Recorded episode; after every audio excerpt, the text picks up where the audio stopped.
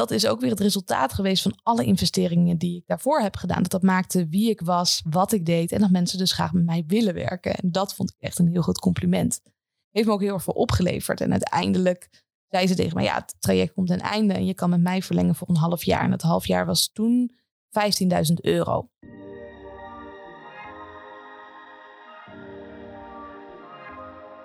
Leuk dat je weer luistert naar een nieuwe aflevering van de Isabelle Veteris podcast.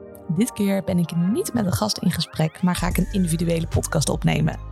Het is januari 2023 en net zoals het gros van de mensen heb ook ik goede voornemens. Dit keer niet om nog harder te werken of om nog meer te bereiken als het gaat om omzetten, winsten. Ik denk dat het onderaan de streep juist daardoor gaat gebeuren. Dat mijn focus gaat zijn dit jaar op het genieten van alles wat ik heb gecreëerd. En eigenlijk zoveel mogelijk te doen van de dingen die ik heel erg leuk vind. In het verlengde daarvan ga ik dus weer zelf meer podcasts maken. En daar ga ik vandaag dus mee beginnen. Niet morgen, niet maandag, niet op 1 januari 2024, maar nu. En ik zat te denken van, wat is dan een leuk onderwerp? Waar wil ik jullie meer over vertellen? En dat bracht mij op het onderwerp van vandaag. Ik ga jullie twaalf lessen vertellen die ik heb geleerd nadat ik meer dan een ton in mezelf heb geïnvesteerd. Mijn eerste e-book die ik schreef voor mijn eigen bedrijf ging over 52 lessen die ik leerde nadat ik meer dan 15.000 euro in mezelf had geïnvesteerd. Toen kende ik het concept van mand nog niet. Ik weet niet of jullie dat filmpje kennen, maar dat gaat dan over een man en die moet vertellen wat iets is. En dan zegt hij, dit is een heel mooi mandje om fruit in te doen van Tichelaar. En dan moet hij dat nog korter zeggen, tot hij uiteindelijk uit paniek zegt, mand. En dat is iets wat ik ook vaak zeg tegen de mensen die ik coach, omdat ze veel te lang van stof zijn. En dat was ik toen ook. Dat bracht me op het idee om deze podcast te maken. Om enerzijds weer alles met je te delen nadat ik nog meer euro's in mezelf heb geïnvesteerd, maar wel op een iets kortere en concretere manier dan dat ik destijds deed. Dat e-book is niet meer te verkrijgen, dus mocht je hem nog willen downloaden, dan kan dat niet meer. Wel heb ik een eigen test ontwikkeld waarin je dus binnen twee minuten weet hoe het met jouw topsportmentaliteit ervoor staat. Dus mocht je dat interessant vinden, dan kan je die eventjes doen via mijn eigen website isabelleverteris.com. Laten we er meteen induiken samen. Om te beginnen wil ik je meenemen in de investeringen die ik heb gedaan. Ik zal de bedragen met je delen. Ik zal de mensen delen in wie ik dat heb geïnvesteerd. Of de programma's in wie ik dat heb geïnvesteerd. Ik heb ervoor gekozen om alleen maar dingen te delen die meer dan 2000 euro waren. Ik zeg bewust niet kosten, want het is een investering. Vaak vragen mensen ook, hè, wat kost het? Ja, het kost niks. Het kost meer als je het niet doet, maar het is een investering in jezelf.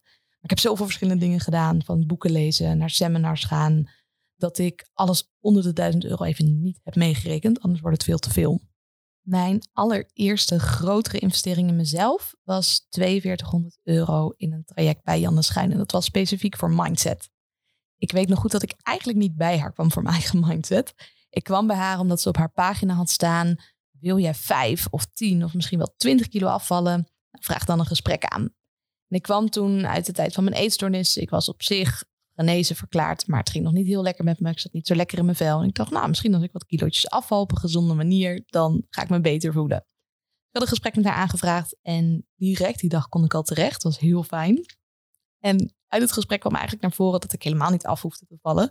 Dat ik eigenlijk vrij weinig aan mijn externe wereld hoefde te veranderen, maar mijn interne wereld, die moest aangepakt worden. Liep aan tegen uitstelgedrag. Ik vond mezelf niet goed genoeg. Ik maakte me druk om de mening van anderen. En zij liet me inzien dat dat de kern van het probleem was. En dat was voor mij echt een openbaring. Ik had in mijn eetstoornis wel aan mezelf gewerkt en ook wel wat aan mijn mindset gedaan. Zeker nu ik dat zo terugzie. Ik heb wat oude motivatieboekjes erbij gepakt. En dan was ik ook bezig om dingen op te schrijven waar ik dankbaar voor was. Motiverende foto's te plakken. Motiverende blogs uit te printen en in mijn boekje te doen. Uh, anderen in mijn boekje te laten schrijven. Maar het was niet op het level van mindset coaching wat ik later heb gehad. En zij kon me bepaalde dingen laten inzien. En ik geloofde ook dat zij een, de uitgewezen persoon was om mij daar op dat moment bij te helpen. Ik vond alleen het bedrag heel spannend om te investeren. Want voor je beeldvorming, ik was toen student. Volgens mij was ik 21 jaar. En ik verdiende 8 euro per uur in de horeca. Nou, een klein beetje voor, ik kwam het neer op 10 euro per uur. Dan moet je flink wat uren werken om dat bedrag bij elkaar te sparen. Ik had het bedrag wel op de rekening staan dus het was niet dat ik het niet had, maar ik vond het vooral heel spannend om te investeren. En ook dat ik dacht, ja, wat nou als het niet werkt? wat zullen anderen er wel niet van vinden als ik zoveel in mezelf investeer? Ik ben toch niet ziek? Heb ik dit wel nodig? Heel veel belemmerende overtuigingen. Dus ik voelde vanuit mijn intuïtie echt een dikke ja. Maar ik dacht, ja, ik, ik, ja, ik, ik wil er even over nadenken. Ik, ik twijfel. En ik heb toen een dag gekregen om erover na te denken. En die dag ook met mijn moeder samen gaan lunchen en het erover gehad. En toen besloten om in de eerste instantie voor drie maanden te gaan. En als het dan beviel, kon ik er nog drie maanden aan vastplakken. De drie maanden waren toen 2400 euro. Als ik binnen die drie maanden besloot dat ik wilde verlengen, dan was het alsnog hetzelfde bedrag. Nou, binnen een maand wist ik al dat ik wilde verlengen, dus dat heb ik toen ook gedaan. En tot op de dag van vandaag ben ik nog zo blij dat ik die investering heb gedaan, want dat is voor mij echt een kantelpunt geweest. Daarna heb ik ook besloten om serieus voor het powerliften te gaan. In de eerste instantie wilde ik de coaching later starten. Want ik zei toen tegen Janne, ja, maar ik heb nog mijn Nederlands kampioenschap powerliften. En als we dan daarna gaan starten, dat lijkt me een beter moment. Dat was ook in januari dan. En toen zei ze ook tegen mij, ja, maar Is, wat nou als je al eerder zou starten? Mijn bezwaar was dan dat ik niet optimaal zou kunnen trainen. Want ze zou me niet alleen met mindset helpen, maar ook met voeding en training. Uiteindelijk hebben we samen een schema samengesteld. En ben ik alleen maar blij dat ik eerder ben begonnen. En is gisteren dus eigenlijk al te laat. Na dat half jaar was mijn mindset zo getransformeerd. Ik had vanuit haar wat informatie gekregen, maar ik was vooral mijn plan gaan uitvoeren. Zij hield me daar accountable voor. En merkte ik zo'n verschil dat ik dacht, wauw, dit is zo gaaf, dit gun ik iedereen. Dus wat het mij heeft opgeleverd is ook dat dat voor mij ervoor zorgde dat ik serieus voor het powerliften ging. Maar ook tegen Janne zei, ik wil dit ook van je leren. Dus ik ga gewoon een jaar voor jou gratis werken. Leer me wat je weet, zowel over het ondernemerschap als over de mindset coaching. En dat vond ze in het begin een beetje spannend. Ze had een slechte ervaring gehad met haar rechterhand, begreep ik. En dat maakte dat ze even twijfelde van ga ik het wel doen of niet doen. Uiteindelijk heeft ze de keuze gemaakt om het wel te doen. En daar ben ik nog steeds heel erg dankbaar voor. En heb ik op die manier een jaar voor haar gewerkt. Dat was ook de tijd dat ik serieus ging powerliften. En dus ook wat duizenden euro's investeerde in powerlift coaching. In coaching voor voeding en coaching voor training. Nu wist ik wel heel veel van voeding af. Maar dit is wel echt andere koek. Powerliften heeft namelijk een weging en daarvoor moet je in een bepaalde klasse passen. En wil je dat je in die klasse past, zonder dat je dus spiermassa verliest en liever ook eigenlijk geen vetmassa. Want dat helpt je namelijk wel in het liften om meer kilo's te kunnen tillen. Je moet je voorstellen, bij deadliften gebruik je ook je eigen lichaamsgewicht om een hefboom te creëren. Dus dat bracht me om waterkuts te leren. Ik zou het iedereen afraden om te doen. Ik heb op een gegeven moment zeven waterkuts in één jaar gedaan. En het is extreem ongezond. Maar het was echt wat nodig was om daar in de top te bereiken. En ook wel een afweging die ik toen heb gemaakt. Maar dat is iets wat ik van mijn coaches heb geleerd. Ook verschillende oefeningen, programmering, techniek. En ja, als je een van de sterkste van de wereld wil worden, dan kan je niet bij de PT'er bij je lokale gym training gaan nemen. Want die heeft er geen ervaring mee. Sterker nog, die zal je waarschijnlijk afraden om te zware gewichten te tillen, want dat is slecht voor je rug. Squatten moet je mee oppassen en je moet niet met je knieën voor je voeten komen. Al die fabeltjes. Ik ben toen gaan kijken bij wie traint de top? Wie is de top? En kunnen die mensen mij helpen? Dus ik heb een coach gehad die zelf wereldkampioen deadliften was. Ik heb een coach gehad die meerdere powerlifters naar de top heeft eh, geholpen en ook meerdere bodybuilders. En voor de voeding heb ik ook iemand gekozen die een aantal bevriende mensen, bekende mensen binnen mijn netwerk had geholpen. En via die weg zorgde ik dat ik en op gewicht was en sterk genoeg was. En ook heel erg veel leerde over die programmering. Zodat toen ik zelf begon met ondernemen, begon ik ook met voedingtraining en mindset. En leerde ik vrouwen hoe ze sterker konden worden. En dat nam ik daar dus ook weer in mee. De volgende investering die ik toen heb gedaan was bij Ilko de Boer. Heb ik een aantal seminars gevolgd en dat leverde mij op dat ik ook al snel werd toegelaten binnen zijn team. Dus hij had toen een online programma met allerlei video's met informatie en een team van coaches die dan zijn klanten hielpen op verschillende vlakken. Denk aan marketing, denk aan sales, denk aan podcasten. En ik was de mindset coach binnen het team. Het was heel gaaf om op die manier ook door Ilko gecoacht te worden, want dat was een bonus als je coach was. En ook ondernemers te kunnen helpen op het mentale vlak. Dus in 2019, echt aan het begin van mijn bedrijf, mocht ik dus al ondernemers helpen op het gebied van mindset. En kon ik dus weer heel veel leren van die ondernemers op ondernemersvlak. Ik kom namelijk helemaal niet uit een ondernemersfamilie. Mijn ouders zaten in loondienst. Mijn opa, die zei me altijd, kies maar voor een veilige baan, kies maar voor een opleiding. Ik wilde eigenlijk piloot worden, maar zelfs dat vond hij te risicovol. Dat geeft je misschien een beetje een beeld over waar ik vandaan kom. Dus al die dingen van het ondernemerschap heb ik echt moeten leren. Het zat er wel een beetje in mij. Ik was altijd degene die ook de feestjes organiseerde in mijn eigen kamer. Die de klassenvertegenwoordiger was. Die vooraan zat bij Sinterklaas. Zodat ik zo snel mogelijk op zijn schoot kon zitten.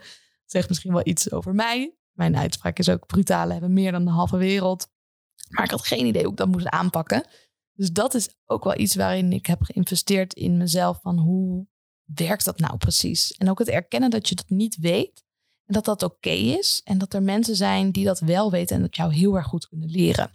Dus een van die mensen die dat mij heeft geleerd is Ilke de Boer. En daardoor ging ik ook al best snel goede bedragen verdienen met mijn bedrijf. Die heeft me echt leren verkopen. Maar op een manier dat je niet salesy bent. Uiteindelijk liep de mastermind van Janne ten einde. En toen zocht ik naar nieuwe coaching. Bij Janne was het dus een mastermind en ik zocht toch meer naar één op één coaching. Net zoals in de topsport wil je het liefste door één iemand gecoacht worden die jou gaat bijsturen. Kijk, een mastermind is handig voor connecties, voor een netwerk. Maar ik zocht dus wat meer sturing. En zo kwam ik uit bij Lifestyle Business. Daar heb ik eerst een traject van één maand gedaan. Toen een traject van zes maanden. Nog een traject van zes maanden. En toen nog een traject van anderhalf jaar. Dus alles bij elkaar heb ik daar uh, intensief coaching gehad. En de eerste investering van die 1000 euro was echt een no-brainer. Ik weet nog goed dat ik toen in het salesgesprek zei: Huh, is het zo goedkoop? Het tweede half jaar was 6000 euro als bij een van hun co-coaches. Alleen die stopte uiteindelijk in overleg met het traject. Als in, ze stopte ook bij het bedrijf. Dus dat betekende dat ik een soort van verloren coachie was. En werd overgenomen door Jeannette Wolf. En daar was ik heel erg blij mee. Zij werkte namelijk eigenlijk alleen met ondernemers die volgens mij een miljoen draaiden. Maar goed, ik was voormalig topsporter. Ik had een goede mindset, dus ze wilde heel graag met me werken. Dat is ook weer het resultaat geweest van alle investeringen die ik daarvoor heb gedaan. Dat dat maakte wie ik was, wat ik deed en dat mensen dus graag met mij willen werken. En dat vond ik echt een heel goed compliment. Heeft me ook heel erg veel opgeleverd. En uiteindelijk zei ze tegen mij, ja, het traject komt ten einde en je kan met mij verlengen voor een half jaar. En dat half jaar was toen 15.000 euro weet dat zij inmiddels 75.000 euro per jaar vraagt. Dus voor uh, de begrippen nu was dat nog uh, klein geld. Voor mij was dat toen echt heel erg veel. Ik weet nog wel dat ik niet één dag, maar een week, volgens mij, of twee weken erover heb gedaan. Om erover na te denken of ik dat wel of niet ging doen. Ook omdat ik vond dat ik dat nog niet in mezelf mocht investeren, want dat had ik nog niet verdiend met mijn bedrijf. Um, nou, zo had ik nog wel duizend nee excuses om het niet te doen. Maar ook heel veel redenen om het wel te doen. En ik weet nog goed dat ik het er met een aantal mensen over heb gehad. Aan de ene kant zou ik jou dat ook aanraden om te doen, aan de andere kant niet. Omdat sommige mensen jou juist naar beneden gaan praten, maar misschien andere mensen ook wel weer omhoog. En dan kan je op basis daarvan je eigen keuze maken. Maar één ding zei mijn toenmalige vriend tegen mij, wat wel is blijven hangen en wat bij mij er ook voor zorgde dat ik die knoop doorhakte. Namelijk dat als jij een studie gaat doen, als jij het daadwerkelijke bedrag zou betalen, komt dat al gauw neer op 10.000 à 20.000 euro per jaar. Zeker als je een MBA doet, is dat 65.000 euro per jaar. Dus als je er op die manier naar kijkt, dan is 15.000 euro voor een half jaar één op één coaching, dus niet eens in een groep, helemaal niet zo heel erg veel geld. Zeker niet als je een goede coach hebt. En toen dacht ik, oh nou, dat klinkt het eigenlijk heel erg logisch om aan de slag te gaan. Dus op basis daarvan heb ik toen ja gezegd. Later, na dat half jaar, kreeg ik een aanbod om voor anderhalf jaar te verlengen voor 25.000 euro. Dat was voor mij dus ook een no-brainer, omdat als je dat weer omrekent dan naar hoeveel het per maand kost, ook al was het een hoger bedrag, dan was het eigenlijk heel erg goedkoop. Dus toen heb ik anderhalf jaar verlengd. En na die tijd was ik wel op zoek naar wat nieuws. Dit keer besloot ik weer te investeren in een mastermind. Dus enerzijds zat er één op één coaching bij. Anderzijds had je de groep. Dus ik heb toen bij Tibor heb ik operatie doorbraak gedaan om echt weer aan de fundering van mijn bedrijf te werken, om die goed te laten staan. En vanuit daar ben ik naar de winnende minderheid gegaan. Dus de winnende minderheid is een mastermind groep voor ondernemers die volgens mij meer dan twee ton drijft, misschien meer dan drie ton. Dat is ook niet heel belangrijk. En het, het zijn coaches, maar ook marketeers, uh, mensen met bouwbedrijven, echt visio's van alles en nog wat. Ik heb daar hele mooie mensen leren kennen waar ik vandaag de dag nog steeds contact mee heb en super dankbaar voor ben. En ook bij Operatie Doorbraak heb ik echt de basis neergelegd van mijn bedrijf en wat het vandaag de dag is. Operatie Doorbraak was toen 5000 euro en de minderheid 15.000 euro. Ook heb ik echt veel geleerd van Tibor over hoe je goede marketing doet. Hij heeft een aantal hele waardevolle sprekers uitgenodigd, waar ik ook podcasts mee op heb genomen, waaronder Jos Burgers, een aantal boeken aangeraden. En daardoor ben ik een stukje zelfverzekerder weer geworden in het ondernemerschap, maar ook meer over mezelf geleerd.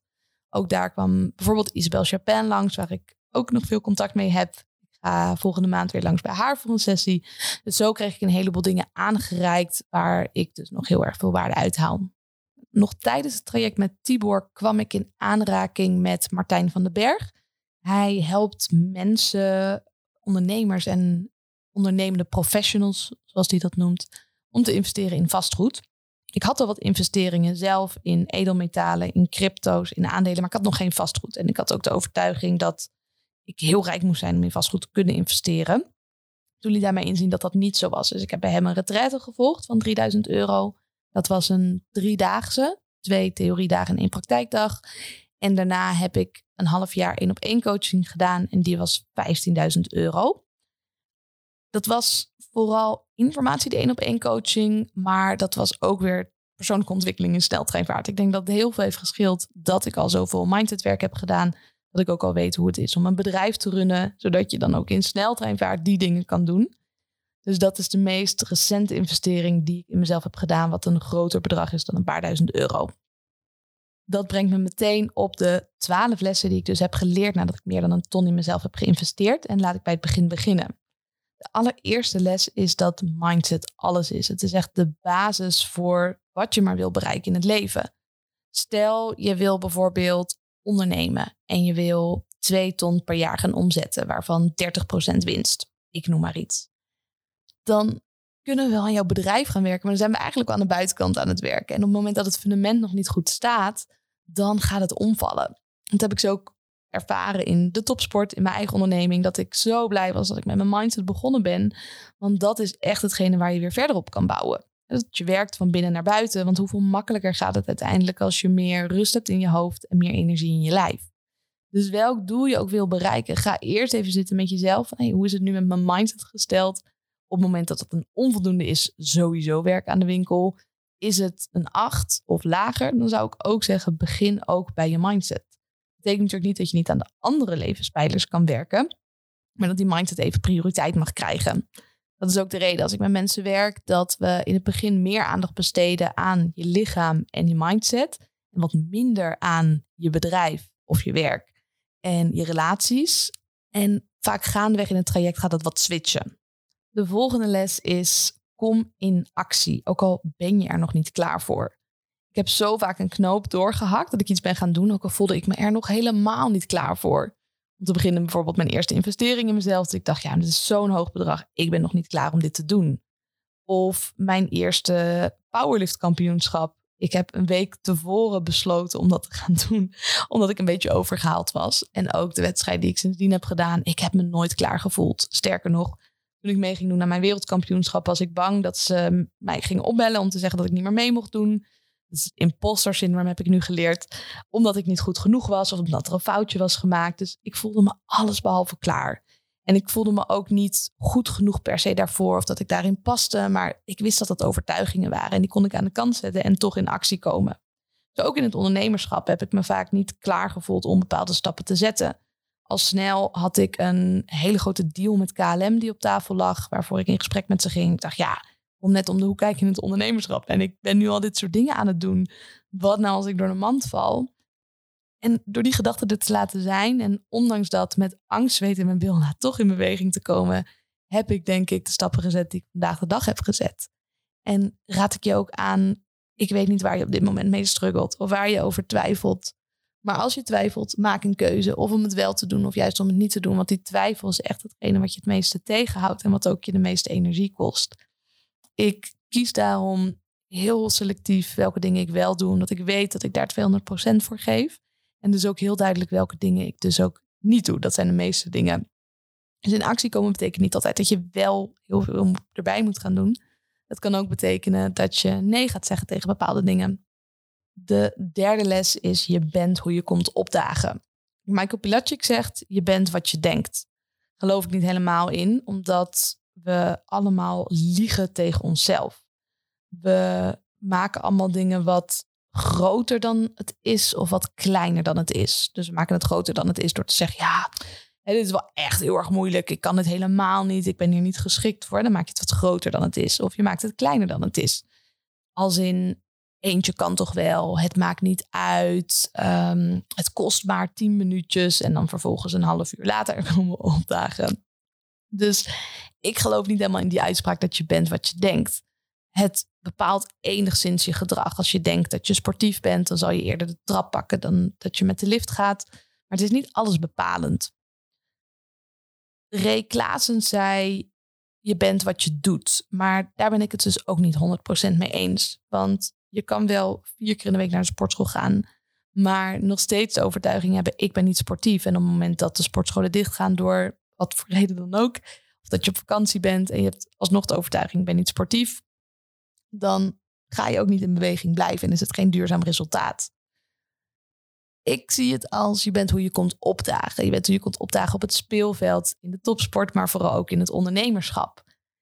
Het maakt niet zo heel veel uit wat je allemaal doet. Als je daar niet krachtig komt opdagen, ga jij niet de resultaten behalen die je wil. Dus stel dat je bijvoorbeeld coaching volgt en jij komt niet opdagen als een absolute winnaar. Ga je geen aantekeningen maken? Zeg je ja, maar doe je nee? Verandert er in de kern niet zo heel erg veel. Dus hoe jij komt opdagen, hoe jij besluit dat je bent, hoe je besluit dat je misschien wil zijn en vanaf vandaag daar al instapt, dat is alles bepalend voor je eigen succes en dat is ook wie je bent. Je kan wel dingen uit het verleden meenemen van, ja, maar ik ben altijd een uitsteller geweest of in mijn geval, ik eh, ben nou eenmaal iemand met een eetstoornis of ik ben nou eenmaal iemand die last heeft van piekeren of ik ben nou eenmaal iemand die, ja, welke verhalen we onszelf ook maar vertellen. Dat is wie we altijd zullen zijn als we ons dat voornemen. Terwijl ze onszelf het verhaal vertellen. Ik ben iemand die rust heeft in zijn hoofd, die alles eruit haalt wat erin zit, die grenzen aan kan geven en je komt op die manier opdagen, dan ga je dat ook zijn. De vierde tip is denk groot en denk nog groter. En waarom? Als we te klein denken, dan kom je niet in beweging. Dus stel dat ik tegen mezelf had gezegd, ik wil een van de sterkste van Nederland worden. Of ik wil wat fitter worden. En ik had een dilemma, ga ik wel of niet naar de sportschool? Nou, als mijn doel te klein is, dan is er een obstakel. En dan zie ik dat obstakel als goede reden om het niet te doen. Maar op het moment dat het doel groot genoeg is, namelijk ik wil een van de sterkste van de wereld worden, dan als er een obstakel is, is het echt een no-brainer om die te overwinnen. Zelfs als in het ondernemerschap, als ik alle ondernemers wil helpen om een topsportmentaliteit te krijgen, het is zo'n groot doel dat ik elke dag mijn bed uitkom om mensen daarbij te gaan helpen. Terwijl als mijn doel is om vijf mensen te helpen en dan is het op zich wel prima, die Nederlandse sessionscultuur. Ja, dan kan ik morgen ook wel beginnen of volgende week ook wel beginnen. En daarom is het zo belangrijk om groot te denken en grote dromen. En ook belangrijk om een coach te hebben die je daarbij helpt, want ook ik kon dat niet. Dus ik weet nog wel goed dat mijn coach dan tegen me zei: Joh, Isabel, zie jezelf net zoals een Michael Pilacic. En dat er echt een error in mijn hoofd ontstond dat ik dacht, ja, maar dat ben ik niet. En dat ga ik ook nooit zijn. Die is zo groot. Ik ga niet eens in de buurt komen. Sterker, het voelt voor mij al onwennig om mij daar überhaupt mee te gaan vergelijken. En mezelf te zien als een gelijke. Als ik het nu zo zeg, denk ik, ja, alle mensen zijn natuurlijk ook gelijk. En in mijn podcast heb ik ook echt grote namen gehad. En dat was voor mij ook heel erg fijn dat ik zie, het zijn gewoon allemaal mensen. En ze hebben prachtige dingen bereikt. En ik ben mega trots op hoe ze dat hebben gedaan. Maar ik hield mezelf altijd heel klein door dus niet grote dromen. Waarom deed ik dat? Dan kon ik ook niet falen. Want als je heel groot droomt en het lukt niet en je bent ook nog onzeker, dan denk je dat jij niet goed genoeg bent. In plaats van dat je nog bezig bent met je missie en dat je in beweging bent. Dus ik kies daarom nu ook voor een missie waarvan ik weet dat het me nooit gaat lukken om die te bereiken. En dat is exact de reden dat ik in beweging blijf. Maar dat kan alleen maar in combinatie met voldoende zelfvertrouwen, mildheid naar jezelf, passie voor hetgene wat je doet. En als je vanuit daar groot gaat denken, groot gaat dromen, nou, dan gaan er ongelooflijk mooie dingen gebeuren. Misschien een leuke side detail. Ik zou nu niet eens zoals Michael Pilacic willen zijn. Hij doet fantastisch werk. Het gave vind ik dat heel veel mensen eerst naar Michael Pilacic gaan, naar zijn events. En vervolgens dus bij mij terechtkomen. Omdat hij juist met hele grote groepen mensen werkt en zoveel mogelijk mensen wil helpen. Ik wil zo min mogelijk mensen helpen en dat zo goed mogelijk doen. Volgende inzicht is maak een plan en ga dat uitvoeren. Bij mijn eerste coachingstraject maakten we echt een heel goed plan op verschillende pijlers om mee aan de slag te gaan. Ze gaf mij toen ook terug: Wow, Isabel, je bent mijn enige cliënt, klant, hoe je het wil noemen, die een plan maakt en vanaf dag één het allemaal doet. dat herken ik wel, dat zie ik ook bij mijn eigen klanten. Bijna niemand lukt het om met het plan wat we maken aan de slag te gaan en dat alle doelen altijd lukken. Dat is ook bijna niet haalbaar. Dan heb je misschien ook niet eens meer een coach nodig. De meeste waarde heb ik daarom ook meer uit de methode gehaald dan de stok achter de deur. Als ik besluit dat ik iets ga doen, dan ga ik dat ook doen. Maar dat plan maken, dat is ongelooflijk belangrijk. Want anders blijft het maar bij een droom. Ik had een vriendin en die zei altijd: Oh, iets, we moeten echt een wereldreis maken. Of we moeten echt dit gaan doen of dat gaan doen. En het bleef maar bij dromen. Ik vond dat heel frustrerend, want er werden geen plannen gemaakt. Het is zo belangrijk om uiteindelijk een plan te maken en ergens naartoe te werken. Net zoals toen ik een van de sterkste van de wereld wilde worden, dan moet je een schema gaan maken. Dus dan moet je bepalen welke wedstrijden je gaat doen. En hoeveel kilo je op die wedstrijden wil gaan tillen. En hoeveel kilo je dus in je training moet gaan tillen. En op welke momenten je rust moet gaan nemen. Zelfs als in het ondernemerschap. Dat je gaat bepalen hoeveel omzet je wil draaien. Dus hoeveel klanten je daarvoor nodig hebt. Welke producten je gaat aanbieden. Hoe je die producten vervolgens gaat verkopen. Hoe je de juiste mensen gaat bereiken. Zijn allemaal dingen waar je echt over na moet denken. En als je dat plan hebt, dan wordt het ook heel erg simpel. Ik heb toevallig afgelopen weekend een dag georganiseerd voor ondernemers. Om vast vooruit te blikken op het komende jaar. Wat we hebben gedaan is we hebben gekeken naar hoeveel ze willen omzetten voor 2023. Dat hebben we gedaan op basis van dat ze in ieder geval minimaal moeten omzetten. Dus hun kosten hebben we keer anderhalf, keer twee gedaan. Dat is hun minimale omzettarget. En daar schrokken ze in het begin een beetje van. Dat ze dachten, wow, dat lijkt heel erg veel geld. Maar toen we een plan gingen maken, dus toen we gingen uitwerken van hoeveel moet je dan verkopen van je producten, hoeveel mensen moet je daar dan voor spreken, hoeveel mensen moet je dan benaderen, welke concrete acties moet je gaan uitvoeren, toen zeiden ze, oh, dit valt eigenlijk mee. Zo wordt het ineens heel haalbaar. En dat vind ik zo mooi om te zien, dat een doel zo groot kan lijken. Misschien wil jij wel een miljoen verdienen. En zie je even door de bomen het bos niet meer, omdat het zo groot lijkt. Maar als je het dan gaat uitwerken en je maakt een plan en dat plan ga je uitvoeren, dan wordt het ineens heel erg makkelijk. Ondernemen is in de basis ook heel erg simpel. Ons brein maakt het vooral complex. Die wil ons namelijk houden op de plek waar we nu zijn. Die wil niet veranderen. Dat is dat reptiele brein. Die gaat vechten, vluchten of bevriezen. En jou dus de taak om vanuit je rationele brein die doelen te gaan bereiken. Vanuit je emotionele brein die dingen te bedenken. Daarin te geloven. Maar vervolgens wel in beweging te komen. Er zijn coaches die zeggen dat je met meditatie er gaat komen. Hè? Love attraction klinkt natuurlijk super mooi. Maar als ik ga mediteren, dan komt niet die Ferrari voor mijn deur. Aan de andere kant, alleen maar actie ondernemen is het ook niet. Want dan zou het heel goed kunnen dat je keihard aan het knokken bent, maar een wedstrijd vecht die niet bij jou hoort, omdat je niet hebt nagedacht over wat je nou echt wil. Stel dat jij hebt bedacht dat je heel veel geld wil gaan verdienen en je gaat een bedrijf opzetten wat je helemaal niet leuk vindt en uiteindelijk ben je burned out en dan heb je helemaal niks aan dat geld, los van dat je dan je therapiesessies kan betalen, ja, dan gaat het je niet helpen naar meer voldoening. Dus die combinatie is heel erg belangrijk van enerzijds je mindset, rust in je hoofd, weten wat je wil, het, het spirituele, visuele, maar ook gewoon de uren maken, de meters maken. Dus dat is een combinatie van de tips van denk enerzijds groot, maar ga ook dat plan maken en dat uitvoeren. De zesde les is dat je nooit te oud bent om te leren. Klinkt misschien heel gek, omdat ik heel jong was toen ik begon met investeren in mijn mindset. Maar zelfs toen had ik zoiets van, dit had ik al zoveel eerder willen leren. Als ik dit al wist toen ik jong was, als in toen ik twaalf was of zo, dan had ik waarschijnlijk nooit een eetstoornis gekregen, want had ik dat niet nodig gehad. Ik denk dat zoveel mentale problematiek voorkomen kan worden door aan je mindset te werken. En aan de andere kant, ja, als je dat niet hebt meegekregen vanuit huis, vanuit school, dan kan je 21 zijn, 50, 60. De oudste klant die ik ooit heb gehad, die was 65 en kwam bij mij voor Mindset Business traject. En ook haar is het gelukt om haar mindset om te vormen en een goed lopend bedrijf op te zetten. Dus je bent nooit te oud om te leren. Het kan je ook weer tegenhouden dat je denkt, ja, ik ben dan zo oud, het heeft geen zin meer. Maar dat heeft het absoluut wel. De zevende tip of inzicht is, je bent er nooit. Klinkt misschien wat deprimerend. Ik weet nog goed dat ik een half jaar aan mijn mindset had gewerkt. Dat was mijn eerste traject en dat ik toen dacht, wow, mijn mindset is nu zo veranderd. Ik ben echt on top of the world. Beter dan dit kan niet. Ik ben klaar. Little did I know.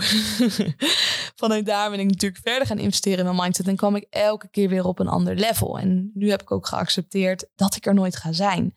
En dat dat helemaal oké is. Ik kan zo genieten van alle groei en alle stukken die ik bij mezelf tegenkom. Dat ik mezelf elke dag weer opnieuw aan het uitvinden ben dat de mensen om mij heen mij bijvoorbeeld spiegelen. Of dat ik verschillende ceremonies doe, familieopstellingen, coaching volg en steeds weer stukken van mezelf tegenkom. Nu wil je er ook voor waken dat persoonlijke ontwikkeling geen doel aan zich gaat zijn. Ik zie ook mensen zich zelf daarin verliezen in de donkerte, in de ayahuasca-ceremonies, in, in, in, in, in ellenlange meditaties en dus niet in beweging komen. Het moet uiteindelijk samen gaan komen. Enerzijds dus het soul searchen, anderzijds ook het bereiken van je doelen, het behalen van successen. Die samen, die zorgen voor zingeving. Maar het is goed om te beseffen dus dat je er nooit gaat zijn. Dat dat geen doel aan zich moet zijn om een bepaald, bepaalde finish te bereiken. Het is eerder een marathon of misschien wel een ultraloop. Net zoals in de topsport, op het moment dat jij je spieren niet meer traint, dan ga je ze verliezen. Zo werkt het ook met je mindset. Je zal er altijd aan moeten blijven werken om dat gezond te houden. En natuurlijk heb je een bepaalde baseline. Maar als je eenmaal die groei hebt ervaren, is het zo leuk om nieuwe dingen daarin ook te ontdekken. Of ook in je business, dat het zo leuk is om nieuwe dingen ook aan te pakken. En dan wil je wel dat je bedrijf aan de ene kant steady gaat doorlopen. Maar hoe gaaf om ook te blijven groeien. Dus toen ik begon met mijn bedrijf, deed ik voornamelijk één op één coaching. Later ook coaching in groepen. Nu ben ik steeds meer gaan focussen ook om te spreken voor bedrijven, workshops te geven. En ook daarin leer ik weer een heleboel. Enerzijds hoe je dan met bepaalde bedrijven in contact komt, hoe je daar dan workshops mag geven, lezingen of dat je daar mag komen spreken. Anderzijds leer ik ook weer heel veel van de groep, de input die ze me geven. En ben ik er ook achter gekomen hoe gaaf ik het eigenlijk vind om het te doen. Dus zo blijft het ook dynamisch, je hele groei en je hele leven. De achtste tip is dat de beste investering in jezelf is. Kijk, ik had een leuk bedrag op de bank staan. Toen stond dat op mijn spaarrekening. Ik had dat nooit durven te investeren. Met terugwerkende kracht zou je natuurlijk kunnen zeggen: stel dat je die ton had en die had je dan in aandelen gestopt en dat was gaan renderen, dan had je nu zoveel geld gehad. Maar belangrijk om te beseffen is dat ik ook rendement heb gemaakt op de euro's. Dus ik had nooit die ton gehad als ik uh, het geld wat ik toen had op de rekening had laten staan. Want doordat ik het ben gaan investeren in mezelf, heb ik ook mogelijkheden gezien om meer te verdienen. Ook om te gaan investeren in vastgoed, aandelen, crypto's, et cetera. En daarnaast ben ik heel erg blij dat ik op zo'n jonge leeftijd mindset heb ontdekt. Want het doel van het leven uiteindelijk is om gewoon gelukkig te zijn. En het heeft mij echt geholpen om gewoon gelukkig te zijn. En vanuit daar een fantastisch leven te creëren, omdat het al goed genoeg is. Ik hoef niet X, Y, Z te bereiken, zodat mijn leven dan misschien een beetje beter is. En vanuit daar gun je jezelf ook het allerbeste. Dus ik heb wel echt ervaren dat, die, ja, dat de beste investering in jezelf is. Ik zie dat mensen heel veel geld uitgeven in plaats van investeren. Dus ze gaan ik een keer per jaar op vakantie. Ze kopen nieuwe meubels, ze kopen een nieuwe auto. En natuurlijk kan dat ook een investering zijn. Ik ben tot op de dag van vandaag nog ongelooflijk blij met mijn auto.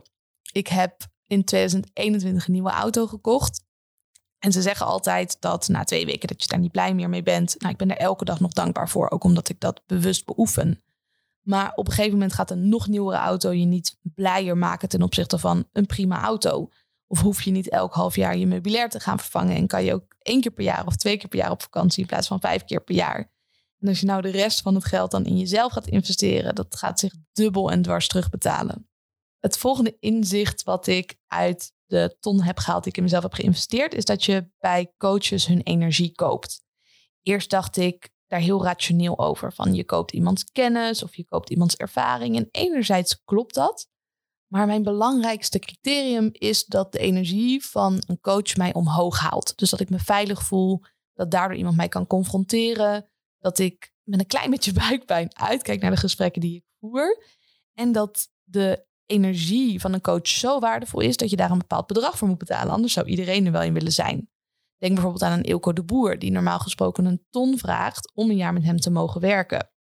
Tuurlijk heeft hij heel erg veel kennis, heeft hij heel veel ervaring. Maar het feit dat jij in zijn energie zit en je vanuit die energie kan gaan ondernemen, dat gaat ervoor zorgen dat jij de grootste stappen gaat zetten. Dus op die manier ben ik ook naar mijn eigen bedrijf gaan kijken en leer ik dat ook aan klanten. Van ja, je kan de allerbeste expert zijn, maar als jouw energie niet klopt, gaan mensen daar niet voor willen betalen. Dus let echt op je eigen energie, zowel voor het fysieke stuk als het mentale stuk. En kijk ook wat daarin matcht. Dus stel ik zou een intakegesprek hebben met een coach dat ik daar zelf mee aan de slag zou willen. Maar die coach spreekt heel sloom.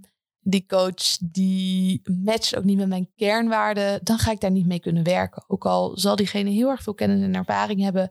We zijn geen goede match. Dus zo ben ik gaan kijken naar investeringen die ik zelf doe. Je koopt iemands energie, maar ook ben ik op die manier naar mijn eigen bedrijf gaan kijken en leer ik dat aan de mensen met wie ik werk. Het volgende inzicht is dat je die stem in je hoofd kan pauzeren. Of dat je in ieder geval in control bent van die stem. Voordat ik met persoonlijke ontwikkeling aan de slag ging, dacht ik dat ik die stem was. Ik ben degene die negatief over mezelf spreekt. Voor mij was een van de eerste inzichten dat ik dus niet die stem ben. Dat ik die los kan trekken voor mezelf. En dat scheelde al heel erg veel. Ik had er nog steeds wel heel veel last van. Het was vaak onrustig in mijn hoofd. Ik dacht negatief of ik dacht gewoon überhaupt heel veel na.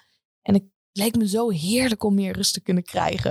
Ik heb nu uiteindelijk die tools gevonden en daar ben ik nog steeds zo dankbaar voor. En ook dat ik heb geleerd hoe je dus die stem in je hoofd op pauze kan zetten. Ook in conversaties met anderen zijn er altijd drie gesprekken samen. Namelijk het gesprek wat jij in je hoofd hebt, het gesprek wat de ander in zijn hoofd heeft en het gesprek wat jullie samen hebben. hoe fijn is het als in ieder geval één van jullie dat gesprek met zichzelf op pauze kan zetten. En dat vraagt heel veel mentale training. Het is natuurlijk zo makkelijk om de hele tijd in gesprek te zijn met jezelf en om het in te vullen voor de ander. Want ons brein wil ook de wereld begrijpen. Maar hoe fijn als je er bijna als een soort, ja, het is geen robot, misschien een soort dier of een neutraliteit naar kan kijken, egoloos. Het was voor mij een hele grote openbaring dat dat kon, dat dat überhaupt mogelijk was. En ik gun je ook dat je daarover nagedenkt van, joh, wat nou als jij die stem ook op pauze zou kunnen zetten, al is het maar voor twee minuten, dat je eventjes die rust hebt.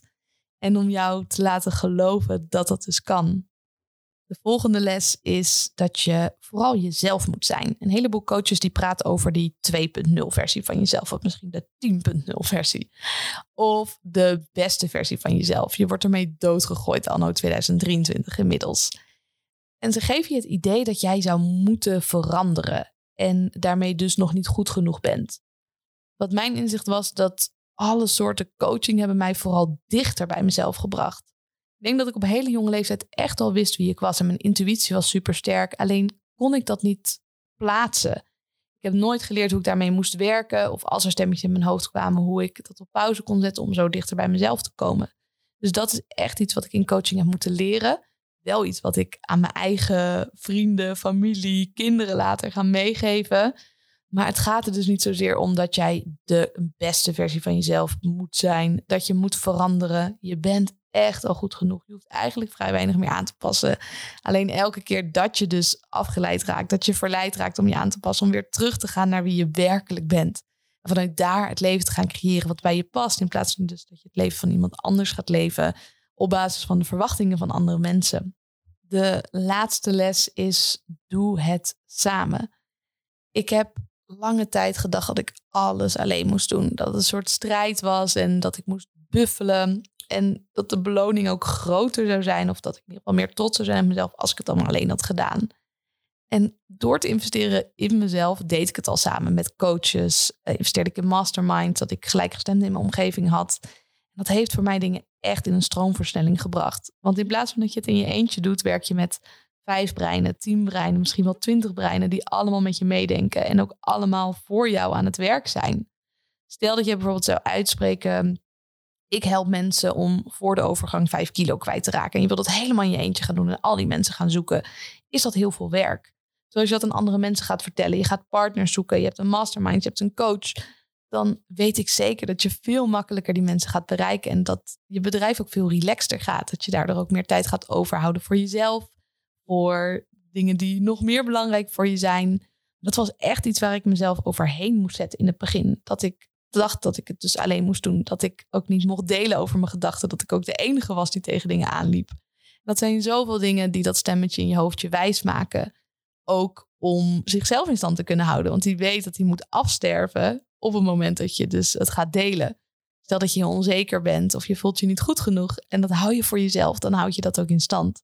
Terwijl als je in de situatie deelt met de ander van, wow, je maakt deze opmerking en wat ik in mijn hoofd hoor is dat ik niet goed genoeg ben. Dat geeft de ander de mogelijkheid om tegen jou te zeggen, oh wat, wat rot dat je dat zo voelt. Kom hier, ik geef je even een knuffel, ik geef je even liefde, ik geef je wat je nodig hebt.